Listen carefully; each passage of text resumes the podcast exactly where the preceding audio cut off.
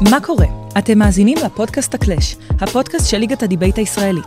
אני רותם אלמוג, והיום נדבר על ה-CA Team, צוות השיפוט הראשי של תחרויות.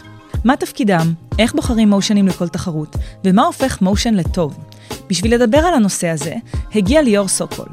ליאור היה פיינליסט הגמר הפתוח באליפות אירופה 2021, וחבר צוות שיפוט ראשי של אליפות אירופה 2022. כבר הרבה זמן אה, שאנשים אה, מבקשים שתגיע לפודקאסט, והנה הגעת לפודקאסט. בשעה טובה. אז, אה, אז זה כיף שאתה כאן. גם uh, תפסנו אותך במצב שאתה ממש בכל אייטים אפשרי בערך של כל תחרות, ובאת לדבר על אייטימים, אז זה מרגיש רלוונטי. נתחיל, נתחיל, אוקיי, אתה יודע מה? בוא נתחיל ממש מההתחלה. אתה עושה עוד דברים חוץ מדיבייט? Um, אני רוצה להגיד שכן. סתם, כן, ברור שאני אעשה דברים חוץ מדיבייט, למרות שדיבייט זה חלק מאוד משמעותי מהחיים, בטח בשלוש שנים האחרונות. סיימתי עכשיו ללמוד משפטים, ועשיתי גם MBA, תואר שני במנהל עסקים בעברית. Mm-hmm. סמסטר אחרון עשיתי בקולומביה, בניו יורק, אז כזה ממש לפני חודש חזרתי לארץ אחרי תקופה שלא הייתי פה, שזה כיף. אה, ואני מתחיל התמחות אה, גם כעורך דין בעוד שבוע, האמת. אה, אז אה, זהו, אז אנחנו, זה, אז זה פרידה ממך, אני מבינה. כן, אז אני עוד כנראה, כמובן שאני עוד אהיה נוכח במידה מסוימת, אבל הרבה פחות מן הסתם. לא בטוח כמה חיים יהיו לי ברגע שאני אתחיל, אבל... כן, זה קשוח. כן. כל הנושא של אייטימים, לי הוא מאוד לא ברור, כי מעולם לא הייתי חלק מאייטים, אז אני כזה עכשיו אה, כל השאלות מנסה להבין, אה, מנסה להבין דרכך איך זה בכלל נראה, כי ההרגשה שלי, בתור מי שמעולם לא הייתה, זה שזה כזה, אתה יודע, צוות שאחראי על התחרות, בוחר מושנים, וזהו. ואני מניחה כן. שזה בכל זאת קצת יותר מורכב מזה. כן, אמ, אז קודם כל, אמ, בוא נגיד שלאייטים יש שני תחומי אחריות עיקריים, ועוד... תחומים משניים. שניים. העיקריים זה, הדבר הראשון זה בחירת מושנים. זה, את אומרת את זה כזה, טוב, בוחרים כמה מושנים, אבל זה לא כזה, כותבים בגוגל הם, אה, מחלוקות חדשות, ואז רואים איזה אחת, או, זה מגניב, בוא ניקח את זה. אלא זה באמת תהליך שהוא מאוד ארוך, הם של אה, גם לנסות להגיע להרבה מאוד רעיונות, הם אה, גם לנסות לעשות רעיונות שמגוונים ומקוריים וחדשים, הם רעיונות שמספיק מאוזנים לשני הצדדים, רעיונות שמספיק עמוקים ויש מספיק דברים להגיד עליהם. אז זו מלאכה שהיא די ארוכה עם הרבה מאוד מבחנים והרבה מאוד עבודה. Mm-hmm. סתם ככה בהדזאפ לקראת האח הגדול של שבוע הבא, לדעתי כתבנו כבר למעלה מ-70 מושנים, ומתוכם וואו. כרגע הצלחנו להכניס לסט שלושה. שתביני את היחס בין כזה, הם, אה, כמה שכותבים למה שנכנס. רגע, בסוף. וכשאתה אומר כתבנו, אתה מתכוון המצאתם מושנים? כן, אז הם, מן הסתם יש מושנים שהם דומים במידה מסוימת למושנים אחרים, אבל אני חושב שמושן טוב הוא גם מושן מקורי. אז קשה להמציא את הגלגל לחלוטין מחדש, אבל mm-hmm. יש הרבה, הייתי קורא לזה אולי טוויסטים תמות מוכרות ודברים מוכרים שאפשר uh, לשנות אותם. וכאן כמובן יש דברים אקטואליים שאפשר תמיד להשתמש בהם. כן, אבל עכשיו... אבל אני מנסה לעשות דברים שהם מקוריים, שהם לא היו, לפחות לא בשנים האחרונות בצורה דומה. כן, טוב, אז אני רגע אסיים את התפקידים העיקריים, כי כזה כן. אמרתי אחד.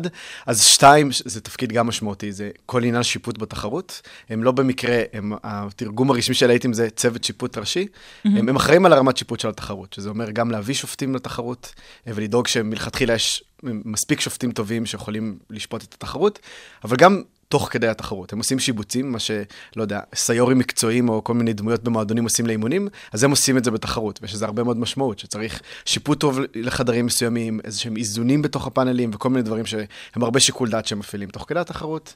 Mm-hmm. ותפקידים משניים שלהם זה גם פיקוח על כל הצוות הלוגיסטי ודברים כאלה, לראות שהתחרות מתנהלת כמו שצריך, וכל העניין הניהולי, שזה פחות אולי עבודה ישירה שלהם, אבל כן באופן עקיף הם אחראים על זה וצריכים לוודא שהדברים קורים. אז זה לסגור רגע את המעגל של מה הם עושים בגדול. כן, איך בכלל איך בכלל מתקבלים לעיתים? אתה כזה כן. מגיש קורות חיים ואומרים, אה, טוב, היית, יהיו לך הישגים טובים בדיבייט, אז אתה יכול לבוא, או שפונים אליך? זה כמובן שונה בין תחרויות בארץ לחו"ל. אני אדבר יותר על תחרויות בארץ, אם תרצי נדבר גם אחרי זה על תחרויות בחו"ל. Mm-hmm. בעיקרון, בתחילת כל שנה, יש הם, אה, ישיבה של כל הליגה, עם נציגים מכל המועדונים, היו"רים מהמועדונים מגיעים לשם, הם, ועושים שם בידים, הם, שזה אומר... שיש תחרויות רשמיות, יש רשימה של תחרויות רשמיות, כמו אליפות הארץ, אליפות ישראל הפתוחה, אינגליש קאפ וכולי, mm-hmm. שהתחרויות האלה קורות כל שנה, ואז מועדונים מסוימים מגישים ביד, זאת אומרת שהם מגישים איזושהי הצעה שהם רוצים לארח את התחרות.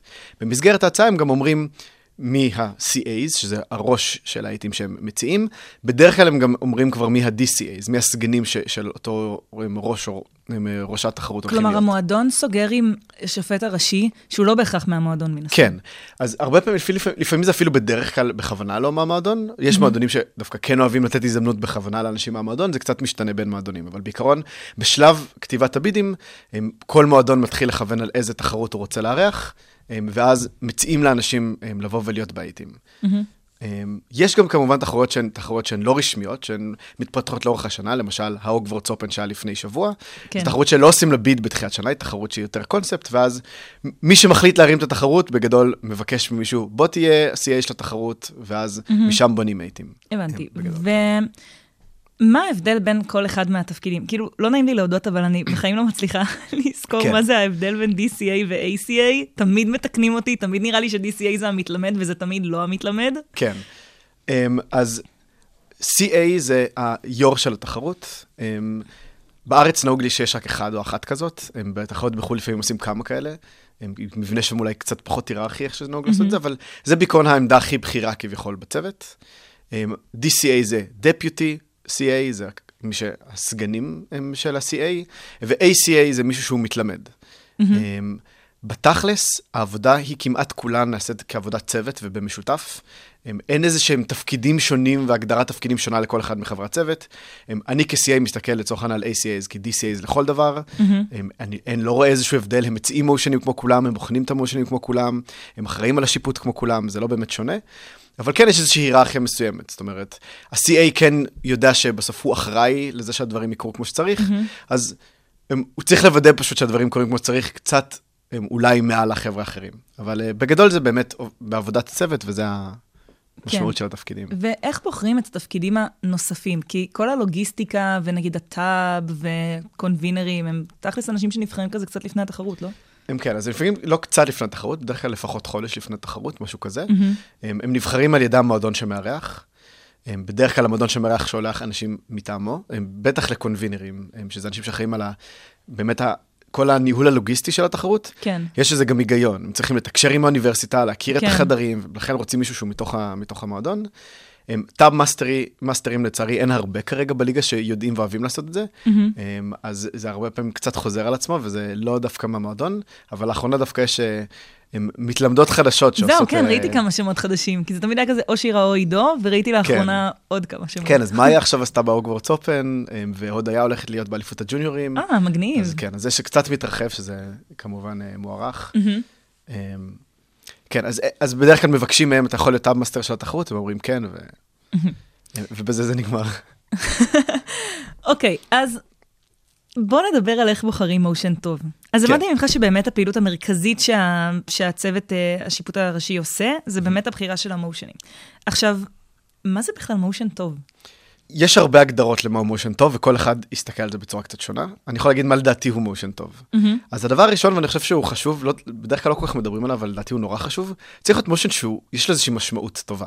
זה יכול להיות שהוא מעניין, יכול להיות שהוא כיף, יכול להיות שאנחנו חושבים שזה נושא חשוב שצריך לדבר עליו, אבל צריך איזו סיבה לתת מושן. כאילו, אני לא חושב שצריך לזרוק סתם, הנה, זה עובד, יש טיעונים, בוא נעשה את זה מושן. צריך שיהיה איזשהו משהו מעבר, שיהיה קצת, אה, לכל הפחות מעניין. אוקיי, okay, אז נגיד עכשיו, אה, ממש עכשיו היה הוגוורטס אופן. כן. אז נגיד, אתה יכול לקחת דוגמה משם של מושן ולהגיד לי איך היה לו את הכזה ערך המוסף שראית בו? אז תראה, אז קודם כל אני חושב שיש, מעניין, אני חושב שגם עניין, אני מסתכל רגע על מושן לא כאינדיבידואל, אלא כחלק מתוך סט, mm-hmm. יש עניין גם של גיוון. כן. אם ניקח למשל את אוגוורטס אופן, אז כל מושן יתייחס לאיזושהי תמה או משהו אחר בעולם של הספרים. Mm-hmm. אם נסתכל על המושן הראשון, שהיה מושן על קווידיץ', כן. אז זה גם איזה טוויסט של מושן ספורט רק בעולם של הארי פוטר, שזה איזה סוג של מושן שאולי אנשים מסוימים יאהבו, אבל גם זה משהו שמדבר על העולם, על הכללים בעולם, על איך נראה העולם של הארי פוטר, הוא לא מתייחס לדמויות או לעלילה, אבל הוא כן מתייחס לכל מיני דברים שקורים בעולם. כן. לעומת זאת, אם נלך על הסיבוב השני, הוא בכלל ממש לא מתייחס לעלילה, הוא מדבר על תקופה של אחרי הספרים, על רון בעוד עשר שנים אה, מתום הספרים, mm-hmm. שעכשיו מגיעה איזושהי סופרת ומציעה לכתוב עליו ספר על העלילות, אה, על העלילות שלו במהלך אה, הספרים, שזה תכלס סוג של ג'יי קיי רולינג בא להארי, רק טי.ג'יי הוקינג זה איזה שם מומצא בא לרון, ומציע לו לכתוב uh, שבעה ספרים. ואז זה, זה motion שבכלל על הדמויות. מי שאוהב את הדמויות בהארי פוטר, אז יש שם מקום לניתוח מאוד מאוד עמוק של הדמויות, של מי זה רון, מה הדברים שמניעים אותו, מה הדברים שחשובים לו. מגניב. כן, אז זה כאילו מין עולם אחר. ואם נלך על ה motion של הגמר, שמדבר על אחרי המוות של דמבלדור, אה, סנייפ יבחר אה, להחזיר את האמונים לאוכלי המוות, אה, ולא את האמונים לדמבלדור כמו שהיו לפני, אז זה ממש כבר על העלילה. אז מדברים, זה גם כמובן יש פה עדיין עניין של דמות מאוד משמעותי, אבל גם יש עניין של העלילה, מה קורה בעלילה אם סנייפ מקבל החלטה מסוימת באמצע העלילה. כן. וזה משנה את העלילה, ומי שאוהב את העלילה, אז יש פה הרבה מקום להכניס דברים כאלה. Mm-hmm. אז אני חושב שמושן מעניין הוא, בהרבה מובנים, מעניין זה לא דבר אובייקטיבי, אה, ואנשים שונים מתעניינים בדברים שונים, ולכן אולי הדבר הראשון במעניין זה לנסות למצוא כיוונים שונים שמעניינים אנשים מסוגים שונים. Mm-hmm. ולדאוג שבסט יש אה, משהו מכל אחד מהדברים האלה. כן. עוד דברים שיכולים להיות מעניינים זה דברים שהם אקטואליים, זה יכול להיות דברים מהסוג הזה. אני נגיד נורא אוהב לנתח דמויות, אז uh, הקטע שלי להכניס מושנים על דמויות מהארי פוטר היה נראה לי נורא מגניב. אני חושב שיש פה משהו ייחודי בהארי פוטר. בדרך כלל כשאנחנו עושים מושני שחקן, ומנתחים דמויות שהן ספציפיות, הניתוחים הפסיכולוגיים כביכול הם נורא נורא גנריים. הם כי יש שתי אפשרויות בגדול, או שאנחנו מנתחים את הבן אדם הממוצע, ולצערי אף אחד מאיתנו לא בן אדם ממוצע, ולכן זה תמיד ניתוחים נורא גנריים, אבל כן. הם לא מתאימים לאף בן אדם במציאות. אפשרות שנייה זה שאנחנו מגדירים שחקן ספציפי, אבל אז אנחנו מנתחים את התפקיד שלו ולא אותו. נגיד כזה, בית זה בתור ג'ו ביידן, אף אחד לא ידבר על מה אכפת לג'ו ביידן. ידברו על מה אכפת לפוליטיקאי, שהוא יו"ר המפלגה הדמוקרטית, שהוא רוצה גם עכשיו מוניטין טוב כנשיא כדי שיבחרו בו עוד פעם, או משהו כזה. נכון, כי גם אין באמת דרך לדעת נכון, כי אנחנו לא מכירים את ג'ו ביידן, כן. אנחנו לא יודעים מה אכפת לו, מה מניע אותו. לא יודעת מה התחביבים שלו. אבל לפחות מי שהגיע לתחרות הארי פוטר הקדיש הרבה מאוד שעות כדי להכיר את רון, או את הארי, או את סנייפ. כן. וזה מאפשר בצורה ייחודית לנתח מה אכפת לאנשים האלה, ואני חושב שזה הופך להיות גם הרבה יותר ניתוחים שהם פסיכולוגיים בצורה ניואנסית ואמיתית לחיים. כן, זה גם קצת אמ, מתגמל את האנשים שבאמת עשו את כל ההשקעה ללמוד לתחרות הזאת. אני חושבת שזה גם משמעותי באמת. נכון. של אם למדת לתחרות שהיא כזאת, לא יודעת, עלילה של איזה משהו, או. ז'אנר מסוים, אתה הרי משקיע שעות בלהתכונן ולראות לראות את הסרטים, ואז אה, זה כיף שגם באמת זה משתלם. כן, זה לגמרי ככה. אני חושב שזה מוביל גם אולי לעוד קריטריון של מה מושן טוב, הוא צריך להיות נגיש. Mm-hmm. שזה אומר שהאנשים שמגיעים לתחרות, אנחנו רוצים שהם יהיו מסוגלים לדבט את המושן. יכול להיות שאני קראתי איזה מחקר נורא נורא מעניין על כזה משהו מאוד מאוד ספציפי בתואר שלי. לי זה נשמע מעניין, אבל אנשים בתחרות לא ידעו כלום להגיד על זה, וזה לא יהיה להם כיף, וזה גם לא יעיל מדי. אני חושב שיש פה איזה מין איזון עדין כזה, בין כן. מצד אחד אנחנו רוצים מושנים שנגישים וכולם יכולים לדבט אותם, אבל מצד שני אנחנו גם רוצים לתגמל את מי שיודע קצת יותר, או שיש לו הבנה קצת יותר mm-hmm. עמוקה. אני חושב שגם בתחרות הזאת, אם אנחנו חוזרים להוגוורטס, אז אני חושב שזה בדיוק ניסינו ליצור איזון כזה, של יש מספיק דברים להגיד גם למי שזוכר את הספרים בצורה גנרית, אבל מי שיודע קצת יותר, יכול לעשות נתונים יותר ניואנסים וכן יקבל על זה איזשהו קרדיט יותר כן. משאר האנשים. ו... אוקיי, נגיד הניואנסים האלה שדיברת עליהם, איך אתה בתור השופט הראשי או בתור אייטים, גורם גם לשופטים, אה, לשופטים שנמצאים בכל חדר להבין את, ה, את בדיוק איך נגיד לשפוט את המושן? כן, אז אה, יש איזשהו מין אה, סטנדרט כזה, אה, שנינו סטודנטים למשפטים, אז אנחנו מכירים סטנדרטים שהם מילים נורא גדולות, שכזה כולה, כל השופטים אומרים, אה, כולם יודעים מה זה, אבל אף אחד לא באמת יודע מה זה, אז גם פה יש לנו סטנדרט כזה, שמדבר על ה... אה, על הקורא המיודע הסביר, או משהו בסגנון הזה. Mm-hmm. זאת אומרת, בן אדם שבקיא באקטואליה ברמה מסוימת, קורא כנראה עיתונים um, בצורה ממוצעת, לא איזה מומחה בשום דבר, um, וזה מין הסטנדרט שהשופטים צריכים להפעיל על דברים שהם שומעים. כן. ולכן, הסטנדרט הזה הוא חשוב בשאלה מהו אמת. Mm-hmm. האם אני יכול פשוט להגיד משהו, וכולם יודעים שהוא אמת, ואני לא צריך להסביר למה זה סביר שזאת האמת. הם למשל להגיד, אם ג'ו ביידן הוא נשיא ארה"ב, זה משהו שמוסכם על כולם, לא צריך להגיד למה זה סביר שזה נכון, כי, ולתת לזה ניתוח. זה, כולם יודעים שזה אמת. Mm-hmm. אבל להגיד, הם, למשל, הם, שג'ו ביידן, הרבה יותר חשוב לו לדאוג ליחסי חוץ הם, אה, טובים של ארה"ב עם אירופה, מאשר לדאוג לדברים בתוך ארה"ב, זה כבר לא איזה ידע שיש לאנשים באופן ספציפי, וצריך להסביר. אז מה שבאמת אומרים לשופטים בתחרויות זה להפעיל את הסטנדרט הזה. ו... זה כמובן לא דבר שהוא לחלוטין אובייקטיבי, ותמיד יש פה איזושהי שאלה של עד כמה הם באמת מפעילים את הסטנדרט הזה בצורה שהיא הוגנת, mm-hmm. אבל לנסות לא להוסיף דברים משל עצמך שהם לא מה שבן אדם סביר יודע, אמ, אבל כן הם צריכים לדעת את הדברים האלה. מקודם דיברנו על זה ממש בקטנה, שמבחינתך חשוב שהמושנים יהיו מקוריים, אבל בכל צוות של תחרות באמת ממציאים כל הזמן מושנים? אז קודם כל כן. יש כמובן, זה גישה של אנשים. יש אנשים שאומרים, טוב, אם לא היה את המושן הזה כבר שלוש שנים בשום תחרות, אז אפשר לשים אותו עוד פעם. אני אישית פחות אוהב את זה, אבל זו גישה אישית שלי. כמובן שאי אפשר להמציא את הגלגל מחדש. אני לא כן. חושב ש... הם, זה מושנים שאף אחד בחיים לא שמע משהו דומה לזה, ואין טיעונים דומים לזה, וזה לחלוטין חדש, אבל אני כן מנסה שיהיה משהו מקורי, שזה mm-hmm. איזשהו, לכל הפחות טוויסט של איזה משהו שהוא יותר מוכר, של כיוון קצת אחר להסתכל על נושאים שאולי דיברנו עליהם בעבר, הם, כדי שבאמת יהיה לאנשים מעניין, ומעבר לעניין, יש פה גם עניין הוגן. הם, אנחנו... רוצים לתת, לא לתת יתרון גדול מדי לאנשים שהם מנוסים. כן. עכשיו, יכול להיות שזה שהם מנוסים זה גם אומר שהם טובים יותר, וזה סבבה. אבל יכול להיות שזה שהם מנוסים זה גם סתם אומר שהם עשו יותר מושנים.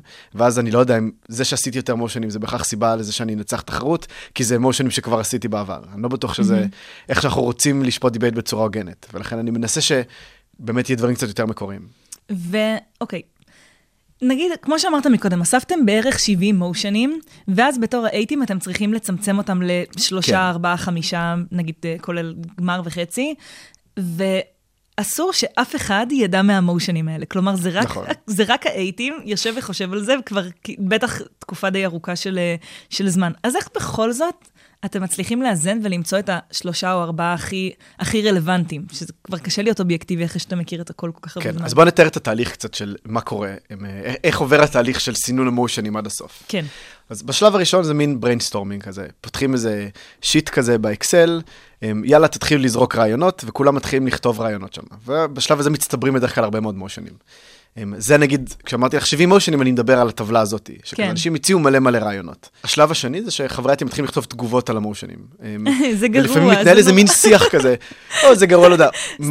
מה הממשלה פה? נשמע לי מוטה opp.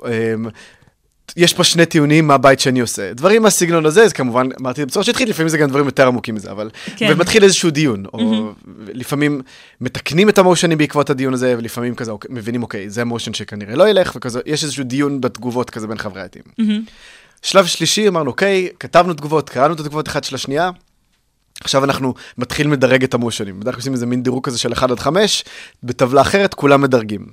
דירגנו את המושנים, ואז אנחנו מתחילים לדבר רק מאיזשהו מספר ומעלה. אני נוהג לעשות שלוש ומעלה, הם בסקאלה של 1 עד 5. כל המושנים שהם שלוש ומעלה, אנחנו מדברים עליהם, מה שמתחת לשלוש, יש מספיק חברי עיתים שלא אהבו, זרקנו אותם החוצה. ואז כבר כן. סיננו, זה הסינון הכי מסיבי כביכול של מושנים. אמ, השלב השני, שהוא גם שלב סינון די מסיבי, הם מתחילים להעתיק מושנים מהטבלה הזאת לטבלה אחרת שנקראת שורט-ליסט. זה הרשימה של המושנים שאנחנו אשכרה הולכים לעשות להם עכשיו בדיקות יותר מעמיקות. וכדי שלא נעשה את זה להמון מושנים, כי זה לוקח בערך חצי שעה לכל מושן, mm-hmm. אז אנחנו רוצים לעשות עוד סינון שהוא די מסיבי. ופה, ובשלב הזה אנחנו מתחילים לדבר על המושנים בצורה קצת כללית. אנחנו עוברים על המושנים שדירגנו אותם גבוה, אה, ומנסים להראות אם יש לנו איזה הם חששות מרכזיים על המושן, הם חוזרים אחורה לתגובות שכתבנו ולראות אם יש דברים שעלו שם ולא התייחסנו אליהם עד הסוף. כן. חושבים קצת באופן כללי על מה הטיעונים והקלאשים שיכולים להיות בדיבייט. ואז בשלב הזה מנסים לבחור מתוך הרשימה הזאת את המושנים שבאמת נראה לנו שאנחנו יכולים להעביר אותם ושסביר שאנחנו נצליח להכניס אותם לסט. Mm-hmm. ואז את השלב הסופי יש רשימה של שורט-ליסט, של מושנים שלהם עושים ממש בדיקות מעמיקות כבר, שזה אנחנו הם, אני יכול להסביר כבר עכשיו, אבל... אה, זהו, כן, באתי לשאול מה זה כן. הבדיקות כן. המעמיקות. כן, אז, הם, אז בחלק, אני, אני חוזר רגע למה הקריטריונים של מושן טוב. זה, הם, אמרתי עכשיו הרבה דברים נחמדים, אבל לא אמרתי את הדברים שכנראה רוב האנשים יגידו כדבר ראשון במה מושן טוב, צריך להיות מאוזן. אמ, שזה אומר מאוזן לרוחב, שיש לאופוזיציה ולממשלה, אין לאף צד יתרון על פני הצד השני, אבל גם מאוזן עמוק, שאין איזה טיעון אחד שהוא נורא חזק, שבטוח בית ראשון יריץ אותו, ולבית שני, הם, יש אולי טיעונים, אבל אין להם סיכוי לנצח איתם. Mm-hmm. אז צריך לעשות איזון גם רוחבי וגם אופקי הם, של המושנים. אז אתם ממש מנהלים דיבייט בין חברי ה A-team? אז לא עושים דיבייט שהוא מלא, אבל כן עושים כסוג של prep כזה. בדרך כלל מה שעושים, מחלקים פוזיציות בין חברי ה A-team, לוקחים 3-4 דקות לחשוב, שזה, בוא נגיד, הזמן שאנחנו מניחים שלוקח brainstorm כזה של prep כן. בדיבייט רגיל, ואז אנחנו רואים מה הרעיונות שיצאנו איתם. אה, ומתוך הרעיונות האלה אנחנו מנסים גם לזהות איזה, כמה קלאשים ואיזה קלאשים יש פה בדיבייט, איזה טיעונים יש לכל צד.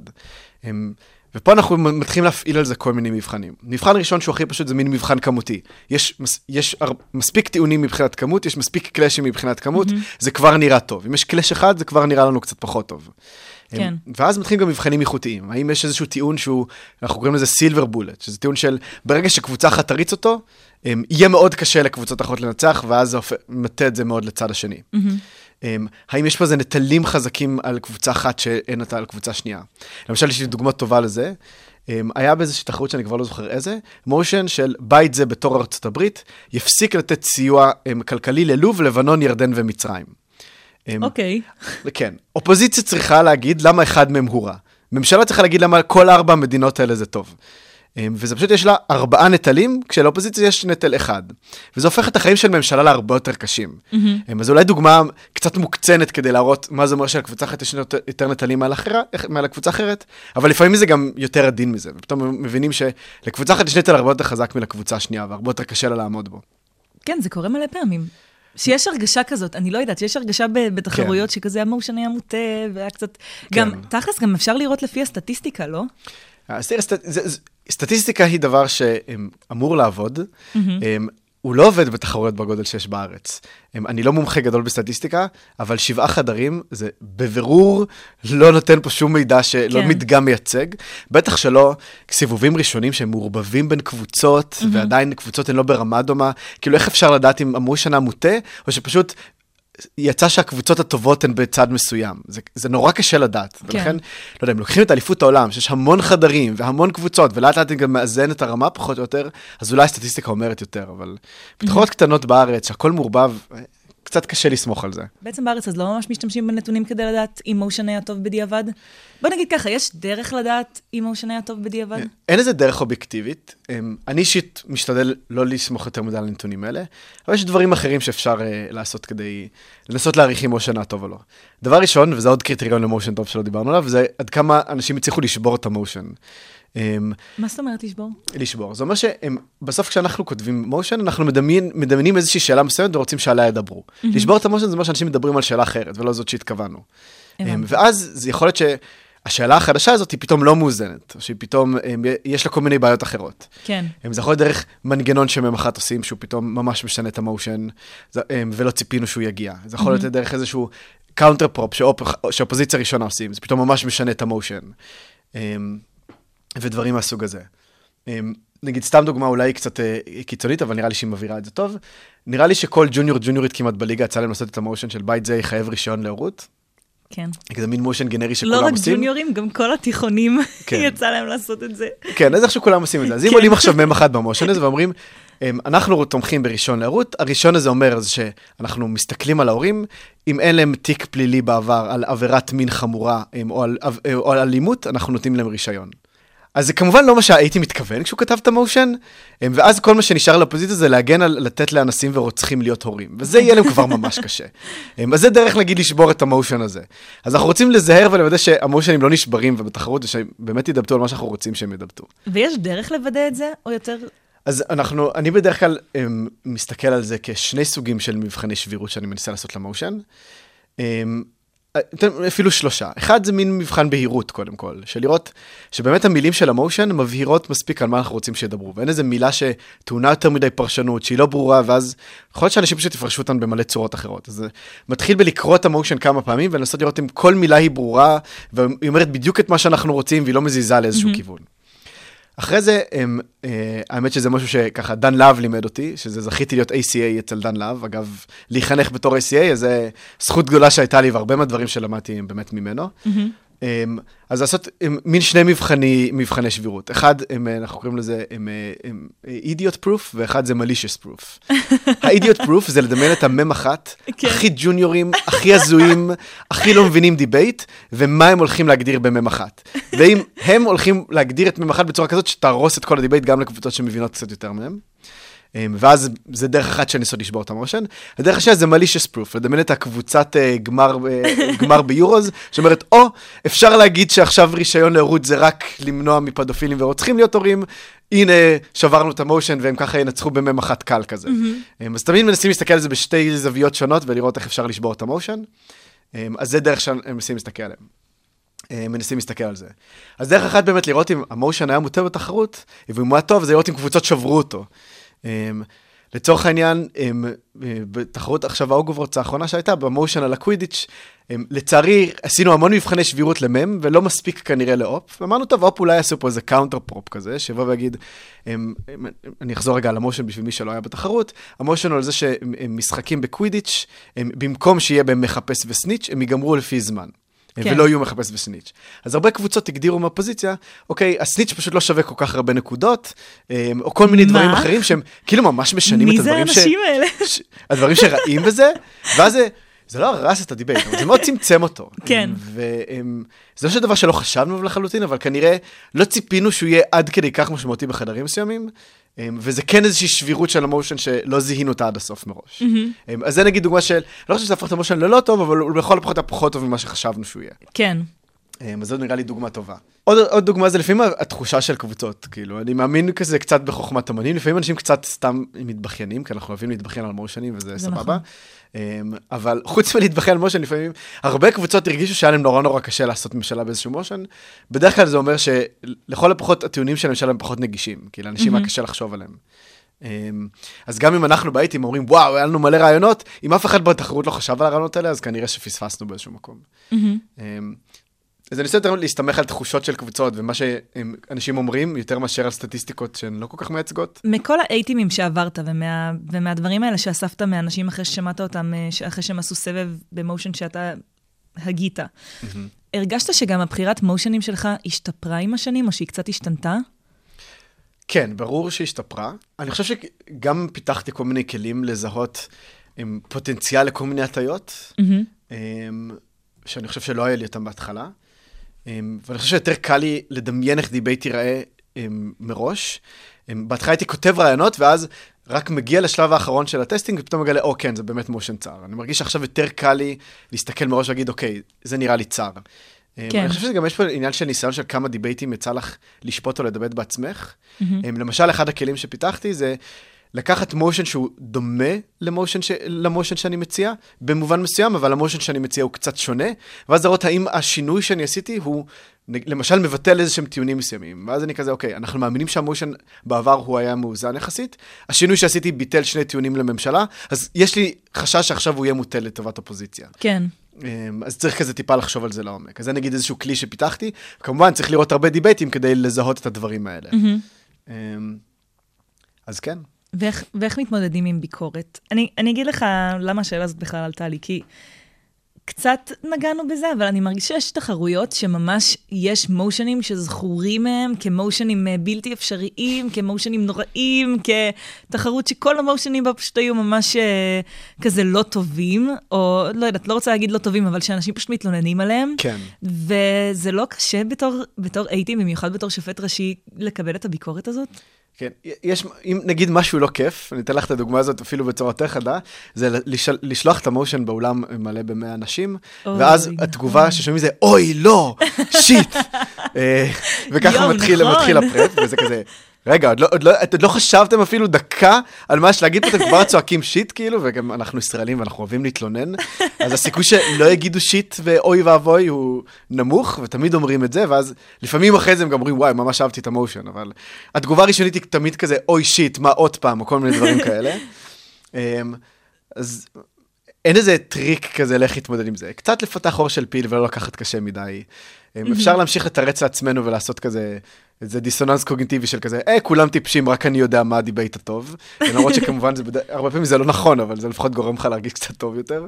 כן. Um, לא יודע, אני עדיין טוענת שזה motion על ארנונה שהיא עשתה, זה ה motion הכי מעניין בעולם. אני חושב שהוא היה מגניב, אבל אה, יש הרבה אנשים ששונאים... אה, ארנונה מתחרות הכלכלה? Um, אני לא זוכר באיזה תחרות זה היה, אבל יש הרבה אנשים ששונאים אותה על זה שהיא עשתה motion על ארנונה. בעיניי זה נורא מגניב, אבל uh, יש אנשים שחושבים אחרת. ואם תשאלי את אני, עדיין תגיד לך שזה המושן הכי טוב שהיה לה בחיים. אמ, אז יש מנגנונים כאלה של להגן על עצמנו. זה כזה תלוי במיקום שקיבלתי בחדר, אם החליט אם המושן היה טוב או לא. כן, לפעמים גם את יודעת, יש באמת המון הטיות. למישהו היה שיפוט לא טוב, או שהוא חושב שהשיפוט שלו היה לא טוב, כן. לא- ופתאום הוא לא צריך לחשוב על רעיונות בפרפ, כי הוא נורא נלחץ, ואז הוא יזכור את המושן הזה לעד כמושן נורא. לפעמים זה גם באמת היה מושן לא טוב, וכזה, וואלה, פה פספסתי, אה, וזה קורה. משתדלים שלא, אבל אה, כמובן שזה יכול לקרות. כן. אז אתה הולך להיות DCA באליפות אירופה. ספר על המסע שלך לעבר אה, להיות DCA באליפות אירופה. כן. אני אגיד לך את האמת, אני קיבלתי לפני כמה חודשים, אני חושבת שזה היה, את, ה, אמ, את הלינק של כזה להצביע, להצביע, לכתוב עליך חוות דעת, ואני כזה, כן, יאללה, ברור. הוא שפט אותי פעם בסבב בג'וניורים או משהו. אז בזכות הפידבק שלך על הסבב ב' בג'וניורים, אז בזכות זה לקחו, סתם. אה, אבל, אה, אז מה התהליך? אמ, אז קודם כל, הם... כמו באליפויות בארץ, גם באליפות אירופה ואליפות עולם, יש בידים. הם עושים את זה תמיד איזה שלוש שנים קדימה. וואו, הם, זה, שלוש שנים? כן, זה כי... וואו. תחשבי על זה שהשאלה גם איזה מדינה מארחת. אז לבחור רייטים זה לא שאלה שכזה צריך לדעת שלוש שנים מראש, אבל לסגור בתי מלון, לתאם כן. אוניברסיטאות, לת, לסגור תקציב, זה לא תחרות בארץ, תחרות שהיא ענקית, עם המון אנשים, כן. המון תקציבים, וזה משהו שצריך באמת הרבה זמן מראש. אז בדרך כלל עושים את זה שנתיים, שלוש קדימה, אני כבר לא זוכר אם זה שנתיים או שלוש, אמ, אבל אחד מהשניים האלה. אבל זה כמה שנים קדימה. אמ, ואז אמ, יש מדינות, מועדון, ערים, מועדונים ספציפיים בעולם שמציעים בידים, שבתוך הבידים כבר מבקשים אה, שני אנשים להיות CAs של אליפות אירופה, והביד הוא כבר כולל את מי ה-CAs. Mm-hmm. יש הצבעה כזאת בקאונסל, שזה די דומה לישיבות ליגה, רק של כל אירופה או של נציגים מהעולם, כן. אם זה אליפות העולם, והם מצביעים ביד שמנצח, והם הופכים להיות ה-CAs של אליפות אירופה, אליפות העולם. מהשלב הזה, בערך שנה לפני התחרות, הם רוצים, קצת יותר משנה לפני התחרות, הם רוצים לגייס DCAs, שזה, הם, כמו שאמרנו, הדפיוטי, הסגנים שיהיו עם ה-CAs בצוות. כן. הם, ואז הם, זה תהליך הגיוס שקורה. בשלב הראשון, הם פותחים באמת אה, פשוט אה, אפשר להגיש בקשה ולבקש אה, להיות, אה, להיות DCA. יש איזה טופס שצריך למלא, שעוד רגע אני אספר מה יש בו, הוא לוקח המון שעות. זהו, תיארתי לעצמי. כן, זה לא משהו שלוקח מעט זמן, שאתה צריך להגיש בקשה לזה. יש גם עוד איזשהו מנגנון כזה של המלצות מהקהילה, שאם כזה, מספיק אנשים אומרים, תיקחו אותו, אז ה-ICAs פונים אליך וממל... ומציעים לך להגיש מועמדות. זה לא באמת משפיע על היכולת להתקבל או לא, אבל זה סתם כזה כדי לעודד אנשים להירשם. מגניב. אמ, כן, זה נחמד. ואז ממלאים את הטופס הענק הזה. מה כולל הטופס הענקי הזה? כן. אחד זה קורות חיים, אמ, שזה דבר ראשון שמסתכלים עליו בשביל לקבל אותך. כן. רוצים לראות שיש לך ניסיון בשיפוט, יש לך אה, איזה הישגי דיבייט מסוימים, יש לך ניסיון בלהיות חבר ת A-team, ממש להסתכל על פשוט קורות חיים. הדבר השני זה המון שאלות שנוגעים לאספקטים שונים של רגע, קורות חיים רק של דיבייט? כן, רק של דיבייט. אה, וואו. אני הוספתי שם, אני החלטתי להיות יצירתי, והוספתי שתי פסקאות על מי אני, כי הרגש לי נורא מוזר לכתוב רק את ה... זהו, כזה... בדיוק. חשבתי שזה כזה קורות חיים, והישגי לא. דיבייט. אז האמת שהיה טבלה של כזה... פרטים אישיים, שזה היה אימייל, טלפון ודברים כאלה. אוקיי, זה לא ממש מי אני, זה יותר כזה דרכים ליצור איתי קשר. כן. וכזה, איזה, שאלה איזה מדינה אתה מייצג, כי כן יש פה כבר דבר, קצת דברים, כמו, קצת כמו אגב כמו בארץ, רוצים שיהיה ייצוג של מועדונים שונים, אז כשמסתכלים על אליפות אירופה רוצים ייצוג של מדינות שונות או של אזורים שונים באירופה, כן. שיהיו בתוך הצוות. וזהו, לא שאלו שאלות על מי אתה בעולם, בין כמה אתה, מה אתה עושה חוץ מדיבייט בחיים. אפילו לא בין כמה אתה? כן, לא שאלו כלום. אז הוספתי איזה שתי פסקאות כזה, כי הרגשתי צורך. לא יודע אם זה היה משמעותי באיזושהי צורה, אבל הרגשתי צורך לעשות את זה, פשוט דחפתי את זה לשם. ואז המון שאלות של, אה, שקשורות לכל מיני אספקטים של לעיתים. זה יכול להיות שאלות, למשל, דוגמה לשאלה שהייתה שם, אומרים לך, תסתכל על אחד מהמושנים שהיו באליפות העולם בשנה שעברה, תבחר מושן אחד שהוא טוב בעיניך, מושן אחד שהוא לא טוב בעיניך, ותסביר למה. וואלה. עוד שאלה יכולה להיות, תן לנו רעיון למושן שהוא טוב לסיבוב תשע באליפות אירופה. וואו. ואז צריך להסביר גם למה המושן טוב, למה הוא מתאים למקום מסוים בתוך הסט של המושנים, שזה אגב עוד משהו שלא דיברנו עליו. יש חשיבות לא רק למושן ספציפי, אלא גם לאיך בונים סט של מושנים ואיפה שמים כל מושן, גם לזה יש הרבה תיאוריות והרבה מחשבות של איך לעשות את הסט בצורה כזאת, אה, בצורה שהיא טובה. Mm-hmm. שאלות כאלה, יש כל מיני שאלות שקשורות לאיך אתה מעריך שופטים או משבץ שופטים, הם, יש שאלות למשל על מה הציפיות שלך משאר חברי, חברי האייטים, אם יש כן. מחלוקת בתוך צוות האייטים, איך אתה מציע לפתור אותה, כל מיני שאלות שכזה אולי. נועדו לראות איך אתה עובד בצוות, וכל מיני תפיסות שלך בנושאים כאלה. אמ, זהו, אז שאלות מהמון סוגים והמון אספקטים של איך להיות אייטים. ווואו, ואת כל, כל הדברים האלה אתה לומד באמת מתוך, אה, מתוך זה שהיית הרבה פעמים בצוותי אייטים? זה ממש נשמע אמ, ספציפי. כן, זה ממש ספציפי. אמ, אז נגיד שיש הרבה דברים שהם יחסית מוסכמה כזה, ואם אתה שם מספיק אייטימי ופוגש עם מספיק אנשים, אז רוב האנשים מסכימים עליהם, ויש דברים שהם יותר כזה שנויים במחלוקת. ואז הם, אמ, צריך טיפה להחליט. למשל, אם נגיד, ניתן סתם כזה משהו שהוא לאו דווקא סוגי מושנים, אלא שאלה יותר ספציפית על עבודה בתוך אייטים. Mm-hmm.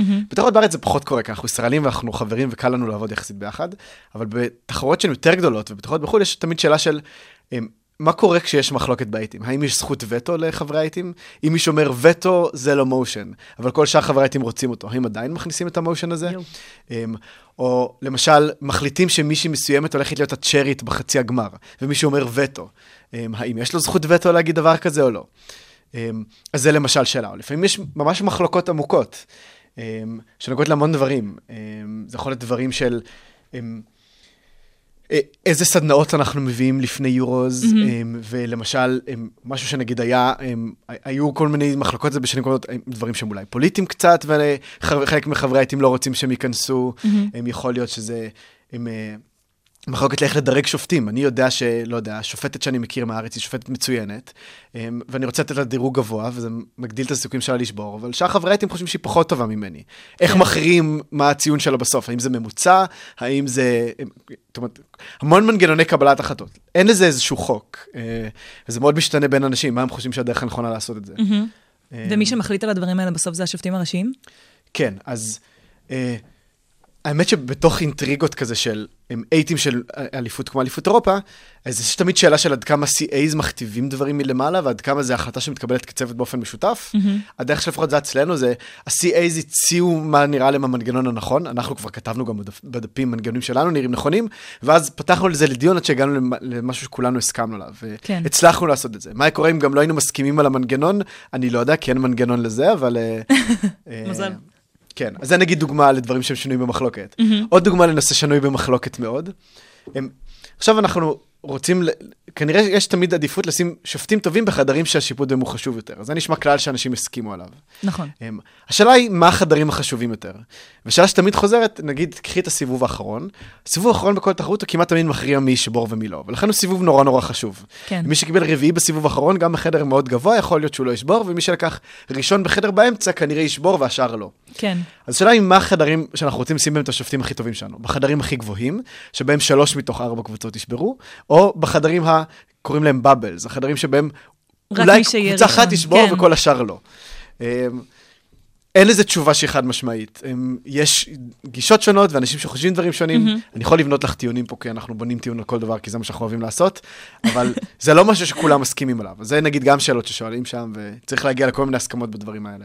כן, טוב, זה דברים שגם קצת משתנים לפי מי שהשופט הראשי, תכלס. נכון. אני שמה לב בתחרויות, כי יצא לי להיות בכמה תחרויות, שאני רואה את השופטים הראשיים שהם הרבה פעמים אותם שופטים, ולפי זה כזה מאוד דפוסי התנהגות של מה הם עושים, איפה הם נמצאים, איך השיפוט מתבצע, איפה השופטים נמצאים, כי זה דברים שכזה כולם קצת מסתכלים ומנהלים איזה רישום כזה מאחורי הקלעים של מה קורה. כן, אז זה באמת משתנה בין אנשים, כמובן שזה תלוי גם בצוות, ומנסים להגיע להסכמות בצוות. אני מנסה באייטימים שאני CA, לדבר על הדברים באופן תיאורטי לפני שמדברים עליהם בפרקטי. כן. להגיד, מה הקריטריונים לפיהם אנחנו מדרגים שופטים, ואז להתחיל לדרג שופטים. Mm-hmm.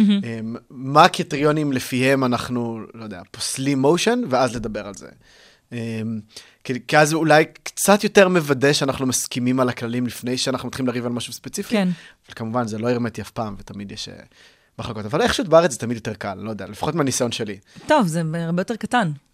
זה קטן, וכזה אנחנו כולם יותר... כולם באותו ראש כזה. כן, לא יודע, יותר קל בארץ. בארץ אנחנו יותר מסכימים בקלות. הם, גם בארץ, לפחות, הם, בשיטה שזה עובד בארץ, בדרך כלל ה-CAs הם בוחרים, יש להם לכל הפחות השפעה על מי יהיו בצוות שלהם. כן. ואז בדרך כלל בוחרים אנשים ש... לכל הפחות נעים לעבוד איתם, וכזה mm-hmm. שהם מרגישים שמסתדרים איתם. לפחות בחו"ל זה לא בהכרח עובד ככה. הם, כן, כי הם לא באמת, נגיד ה-CA עכשיו, מכיר אותך? כן, אז הוא מכיר אותי מזה שהוא שפט אותי קצת, או שפט איתי בתחרויות, אבל לא היכרות אישית של חברים שהיה לנו כן. קודם. באמת בחו"ל, אז בדרך כלל הקשרים הם קצת יותר רחוקים, ואז mm-hmm. לפעמים, אה, וגם לפעמים שיטות עבודה הן קצת שונות, ואז אני פתאום מופתע מכל מיני נורמות שיש בחו"ל שאין בארץ. מה נגיד? מה נגיד? קודם כל, טוב, אני, אני קצת לא פוליטיקלי קורקט עכשיו, אבל קודם כל, הם, בארץ אנחנו הרבה יותר משקיענים באייטים. באמת? וואי, בפער, כאילו, אני כל פעם מופתע מזה שהם, החברי, החברים הישראלים באייטים בחו"ל הם משקיעים הרבה יותר מאחרים. אולי גם כי יש לאנשים בחו"ל נטייה לעשות כאילו אייטים כל שבוע, ואנחנו לא עושים אייטים כל שבוע, ואז כשאנחנו מגיעים לאייטים אנחנו הרבה יותר משקיעים בזה. במה, במה אתה יותר משקיע? בכמות הרעיונות שהם מציעים, בעד כמה הם מוכנים, בעד כמה הם עושים את הדברים מראש, בעד mm-hmm. כמה עובדים על להביא שופטים, ולא כזה מחכים לרגע האחרון ונזכרים שאין מספיק שופטים טובים בתחרות. כל מיני דברים מהסוג הזה. זה נגיד הבדל שהוא די גדול. כל עניין ה equity הוא משמעותית שונה בחו"ל. כאילו הם יותר רגישים? הרבה יותר. אני חושב שזה משקף מגמות שהן תרבותיות, זה לא, כן. זה אפילו לא קשור ספציפית רק לדיבייט, אבל זה כמובן משתקף בזה. בארץ אנחנו קצת יותר מוכנים לדבר על דברים, גם שהם קצת שנויים במחלוקת, mm-hmm. זה גם אולי משהו תרבות ישראלית כזאת. אני אישית מאוד אוהב את זה, שאנחנו יכולים לדבר על נושאים גם שהם קצת יותר רגישים וגם שהם קצת יותר שנויים במחלוקת. כן. ויש הרבה יותר משטר על מה מותר לדבר ועל מה אסור לדבר בחו"ל. Mm-hmm. באופן ספציפי יש גם סרקטים שבהם עוד יותר מקפידים על זה, וכאלה שקצת פחות. לצורך העניין, להציע מושן על הפלות בארצות הברית זה גזר דין מוות לעצמך בתור חבר רייטים, כאילו. כן. אמ, אבל בארץ, כל כמה זמן יש איזה מושן בסוג הזה, ואנחנו מדברים על זה והכל בסדר. זה, זה נגיד משהו שהוא שונה בין uh, תרבויות שצריך להכיר. ומרגע שנבחרת, קודם כל, בטח ממש ממש שמחת שנבחרת, זה נשמע לי מטורף לגמרי. אז, אז מה קורה מהשלב הזה באיטים בחו"ל? נגיד הפגישות, אני מניחה כן. שאתם עושים אותן בזום. גם בעבר היו עושים פגישות בזום, לפני עידן הקורונה? כן, אני לא יודע אם היו עושים בזום, זו שאלה טובה. אני מניח שלא היו נפגשים מלא פעמים באמצע השנה, אבל בכל מקרה מגיעים כל החברי עיתים של אליפות אירופה לפחות, מגיעים כבר שבוע לפני, השנה mm-hmm. זה יהיה בזאגרב, אז מגיעים לזאגרב, ואז זה שבוע שלם שכל מה שאנחנו עושים זה להתעסק בתחרות. אז כמובן ש... להעלות מושנים, להתחיל אה, נרשמים שופטים ולדאוג שיש רמת שיפוט, אבל זה דברים שעוד קורים בש, בשלט רחוק לפני, אבל כן. כל העיבודים הסופיים, ויש לנו שבוע שלם שאנחנו ביחד באותו מקום לעשות. בגלל שזו תחרות שהיא כזאת גדולה וכזאת משמעותית, אז גם כמות המבחנים והרמה של המבחנים שעושים היא הרבה יותר עמוקה. אה, אז בגלל זה צריך את העוד זמן הזה. אבל כן, עובדים לפני זה מרחוק, לא יודע איך זה היה לפני הקורונה, צריך לשאול מישהו שהיה בעיתים בחו"ל כן. לפני זה. אבל כן, נפגשים בזום. אוקיי. אז מה קורה מרגע שנבחרים? כן. אז כן, לא אמרתי, יש עוד שלב של פידבק מהקהילה, שפותחים, זה שלב הלכלוכים והמחמאות, שולחים את כל השמות של מי שמתמודד, ונותנים לכולם לכתוב מה שהם רוצים. מה יש לכם להגיד עליהם? כן, אה, אז כמובן שיהיו את האלה שכזה, או, זה הזמן לסגור חשבונות עם השופט שלי בסיבוב 2 באיזה תחרות לפני שלוש שנים, ונתן לי קריאה לא מוצדקת. אה, ויש גם דברים, אנשים שהם קצת יותר אובייקטיביים מזה, לטוב ולרע. ואז בסוף ה-CAs משקללים את, ה, את מה שכתבנו, את הפידבק מהקהילה, את הקורות חיים, ולפי זה הם מחליטים. וגם כמובן יש פה עניין של ייצוגיות מסוים. יש כמובן סרקטים שאין להם ייצוג שהוא קבוע, אבל Um, בגלל שישראל נהייתה ממש אימפריה uh, באירופה, mm-hmm. גם מבחינת הישגים, גם מבחינת... חשבתי שבאמת הרבה מאוד אנשים איכותיים בארץ שמגיעים להישגים מאוד גדולים באירופה, אז כבר הרבה שנים כמעט תמיד יש חבר באייטים שהוא מישראל, שזה כבר...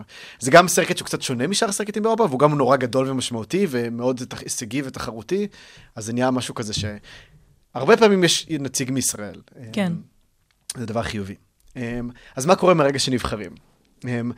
אז קודם כל יש הרבה דיונים של, הם, כמו שדיברתי לכם, אה, לקבוע מה כללי קבלת החלטות שלנו, אז בגלל שפה תחרות הרבה יותר משמעותית ואנשים מתרבויות הרבה יותר שונות, אז צריך לדבר קצת על מה נעלי עבודה בתוך האייטים, על איך אנחנו מקבלים החלטות, הם, גם לאורך הדרך וגם אבל דווקא עצמה. בתחרות כל כך ענקית, נגיד, פה, סבבה, כל שנייה דברים משתנים וזה, אבל בתחרות כל כך גדולה ומשמעותית, אין משהו יותר מוכן פשוט? איזה נוהל שעובר כזה מתחרות לתחרות וכזה קצת משדרגים או כל מיני כאלה?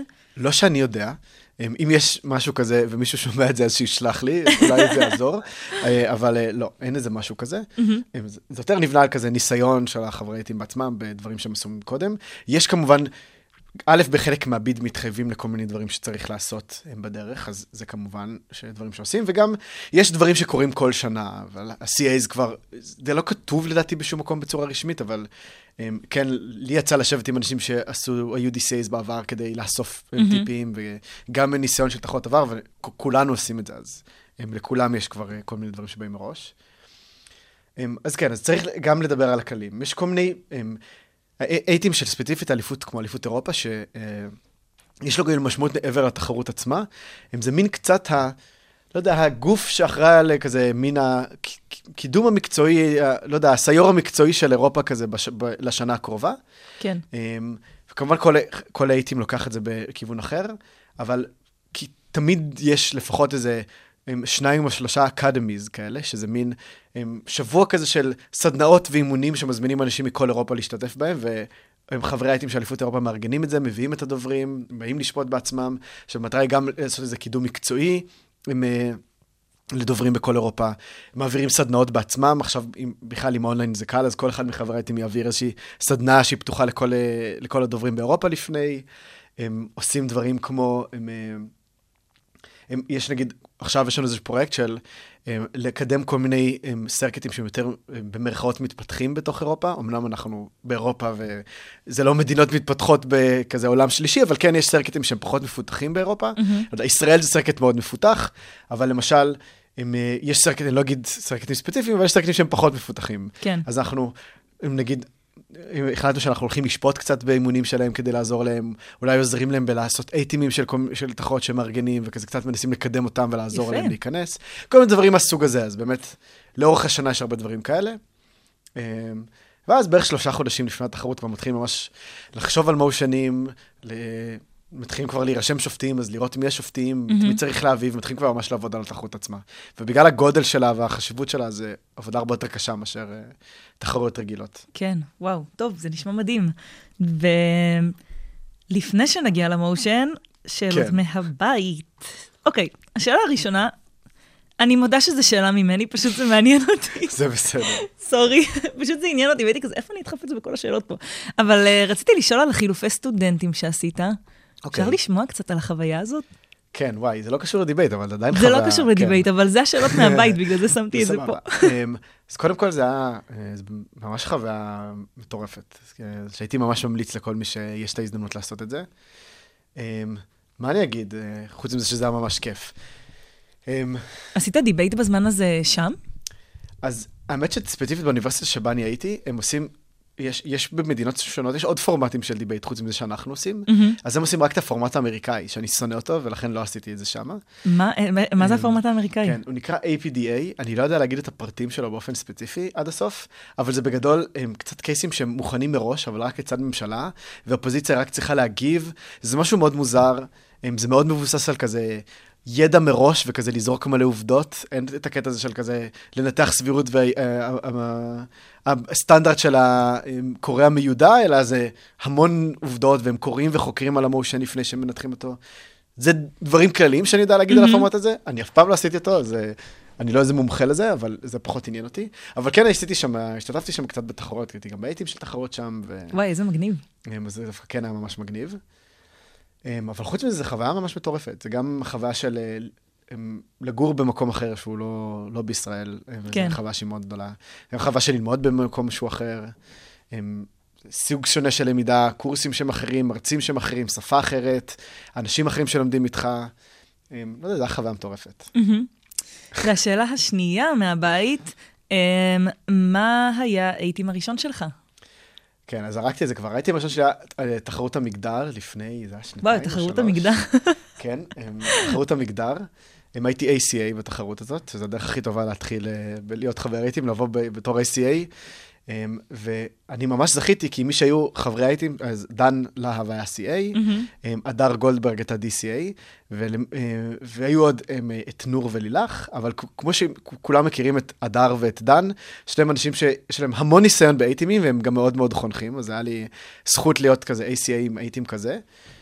ודן הסכים לבוא להיות אה, CA של תחרות המגדר, תוך כדי שהוא מתכונן להיות CA של אליפות העולם, בתנאי שייתנו לו זמן להשקיע עם האייטים ושהוא יוכל להשקיע בדור העתיד. ואז הוא, היו ישיבות אייטים מאוד מאוד ארוכות, שבהם הוא גם עשה לנו גם איזה סדנאות אייטים, וגם בלדבר על דברים לעומק, וזה היה מאוד מלמד. והרבה מהדברים שאני גם לוקח עכשיו כ-CA, זה דברים שראיתי בתור CA בתחרות הזאת אה, מדן. אז אה, כן, והגענו לניתוח המושן. ניתוח מושן. לניתוח המושן, כן. כן. מה בחרת?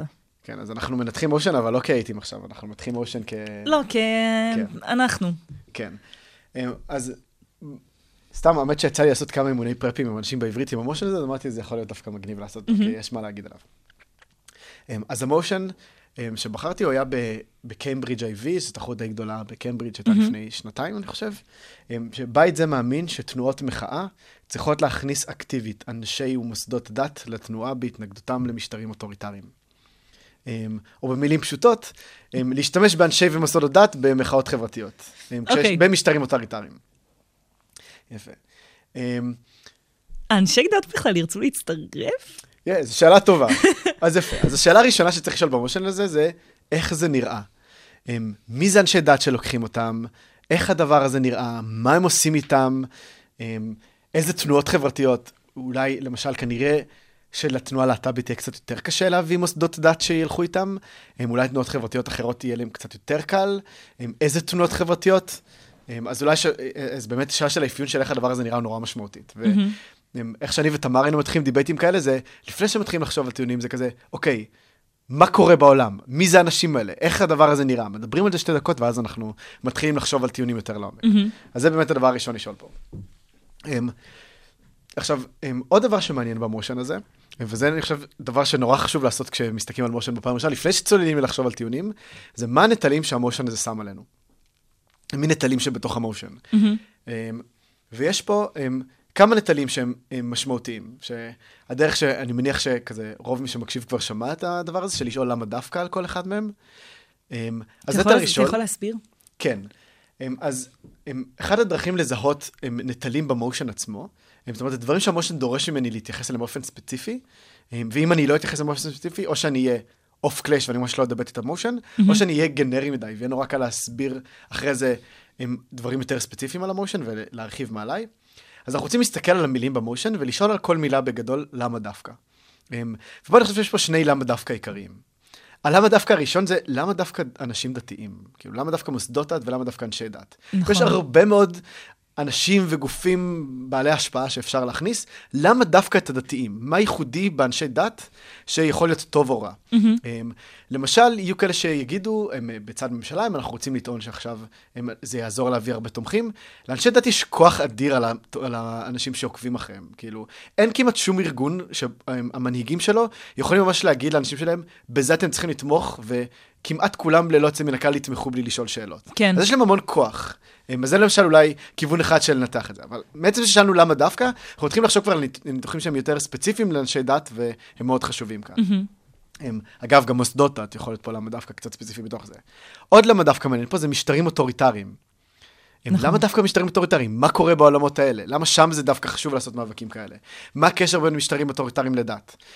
הדבר הראשון שהייתי חושב עליו כבית שני, זה בית ראשון שמתעלם מזה שיש משטרים אוטוריטריים, ואז בבית שני אומר, אוקיי, למה הדבר הזה חל ספציפית משטרים אוטוריטריים, ולמה זה חשוב יותר? כי זה ה motion, בום, ניצחנו את בית ראשון. קלי קלות. לא להשאיר לבית שני את האופציה לעשות את זה, תשאלו למה דווקא כבר בהתחלה.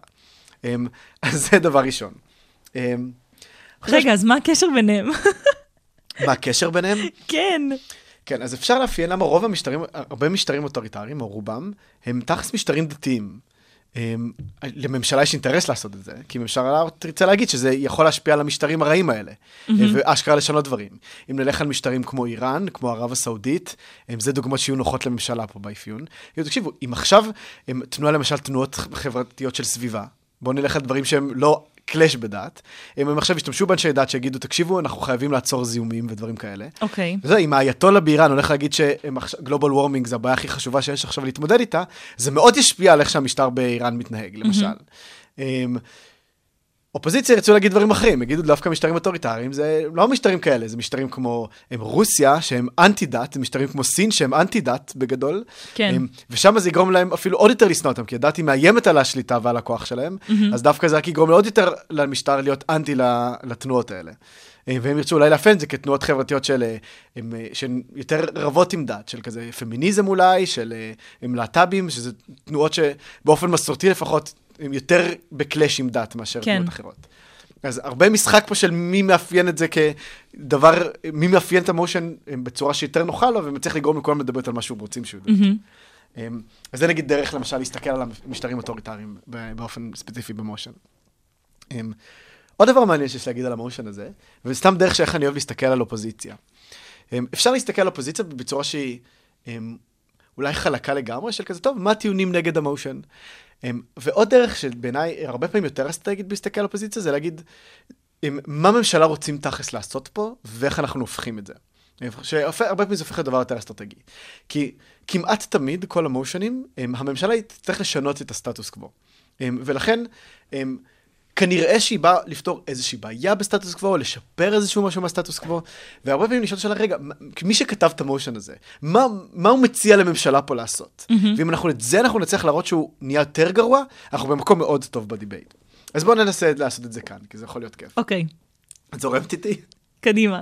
אוקיי, okay, יאללה. אז, אז אנחנו חוזרים על זה. אנחנו שמים אנשים ומוסדות דת בתנועות חברתיות במשטרים אוטוריטריים. מה הממשלה רוצה כנראה להשיג פה? יותר, לא, יותר, יותר תמיכה, יותר כוח, יותר שינוי. כן, יפה, יותר תמיכה, יותר שינוי בתנועה. כן. יפה, ואנשי דת היא דרך מאוד טובה להשיג את זה. בוא נגיד, הטיעון הכי קל שלמשל פה זה כזה יותר תומכים. נכון? כן. נשיג מלא תומכים וכאלה. מגניב. גם יותר אבסולוטים כזה. עכשיו, אם אני בא באופוזיציה, אני חושב על אסטרטגיית ניצחון. אני חושב על כל מיני דרכים, שכל אחת מלבן מנצחת את הטיעון הזה של, של ממשלה. הדבר הראשון, הם, הדרך הראשונה לריב איתם, זה לריב איתם ממש בכלי ששיר על כמות התומכים. אנשי דת גם מבריחים אנשים, הם לא רק מוסיפים אנשים. כן. הם אנשים שהם מאוד חילוניים ומאוד ליברליים, יכול להיות שהם לא כל כך יאהבו רבנים שיגידו להם מה לעשות, והם דווקא יתרחקו מהתנועה. Mm-hmm. אז אם אני מסביר, אחד, למה זה מרחיק אנשים, שתיים, למה זה מרחיק יותר אנשים מזה שזה מביא, אני מנצח על כמות, דרך ניצחון אחת בדיבייט, כן. אוקיי? דרך שנייה לנצח, בלריב איתם בקלאש ישיר, זה על מי התומכים שהם ישיגו. יכול להגיד, סבבה, אותה כמות תומכים. אנחנו מאבדים אנשים חילונים, מקבלים אנשים דתיים. אבל האנשים הדתיים הם, לא יודע, פחות אקטיביסטים מהחילוניים, הם, הם, הם פחות, הם פעילי, הם יעשו פחות פעולות מאשר האנשים החילוניים בתנועה, הם, וכל מיני דברים כאלה. ולכן, אנחנו, גם אם זאת הכמות, האיכות של התומכים שאנחנו מקבלים היא נמוכה יותר. כן. דרך שנייה. דרך שלישית היא לא ללכת איתם בקלאש ישיר, אלא להסכים לזה ולהראות למה זה דווקא דבר רע. הם למשל להגיד, כן, אנחנו מקבלים יותר תומכים, אבל מטרות התנועה יפו להיות גרועות יותר, ולכן אם היא תשיג יותר את המטרות שלה, זה דווקא רע יותר. אפשר למשל להסביר למה ברגע שמכניסים אנשי דת, אז התנועה נהיית פחות ליברלית, פחות פרוגרסיבית, ומקדמת mm-hmm. דברים שהם אולי פחות טובים משהיא מקדמת היום. אז גם אם היום היא יכולה לקדם 20% מרעיונות טובים, מחר היא תקדם 40% מרעיונות פחות טובים, עדיף 20% מטובים מ-40% מלא טובים. Mm-hmm. אני מצטער שאני אתן לזה מספרים, אבל לפעמים זה ממחיש כזה את השקילה פה. ודרך אחרונה, זה להגיד, יש יותר תומכים של אנשים, אבל פחות תמיכה של פוליטיקאים. כאילו, פתאום, כן, אתם תקבלו מלא מלא מלא אנשים שתומכים, אבל פוטין לא יאהב את המלא אנשים דתיים עכשיו, שעושים איזושהי מחאה, כן, ולכן... זה כאילו מרחיק אותנו מה... בדיוק, ואז, ולהסביר למה אנחנו הכי רוצים את התמיכה של הפוליטיקאים ולא של אנשים, כי תכלס השינויים שאנחנו צריכים זה שינויים של ממשלה, ולא שינויים של התנהגות של אנשים, ולכן אנחנו מפסידים את זה. אז עכשיו אמרתי בעצם ארבע אסטרטגיות, שכל אחת מהן היא דרך לנצח את מה שהממשלה רוצה להשיג פה. אמ, אם אני בית שני נגיד באופוזיציה, mm-hmm. אז אני אומר, אוקיי, אני מסתכל מה בית ראשון הולך לעשות. כנראה שהוא לא יעשה את כל הארבע האלה, ואני חושב על, מראש איך כל אחת מהן אני מסביר למה היא הכי משמעותית פה בדיבייט, ואז כבר יש לי ארבעה דברים שהם הופכים את הטיעון של ממשלה לצד שלי בצורה, בצורה מאוד חזקה, וכל אחת מהן זה אסטרטגיית ניצחון שהיא עצמאית. אמ, אני מאחלת לעצמי לקחת את החשיבה הזאת לאח הגדול. אני מחכה, כשאני אשפוט אותך אני אצפה לזה. אוי, לא. סתם, סתם, אני כן. צוחקת. יהיה כיף, יהיה כיף באח הגדול, שהוא ממש בעוד כמה ימים. ותודה רבה שהגעת. היה לי ממש כיף וממש מעניין. לא ידעתי את רוב הדברים שדיברת עליהם והייתי, ואני חושבת שזה ממש אה, מעניין ומעורר השראה. ותודה. תודה, תודה רבה לך. תמשיך עם הפודקאסט. תודה. נתראה.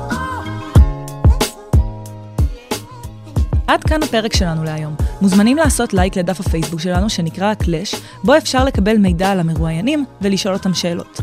תודה גדולה לליאור סוקול ותודה לעמיחי אבן חן על הליווי המקצועי, ונתראה בפרק הבא.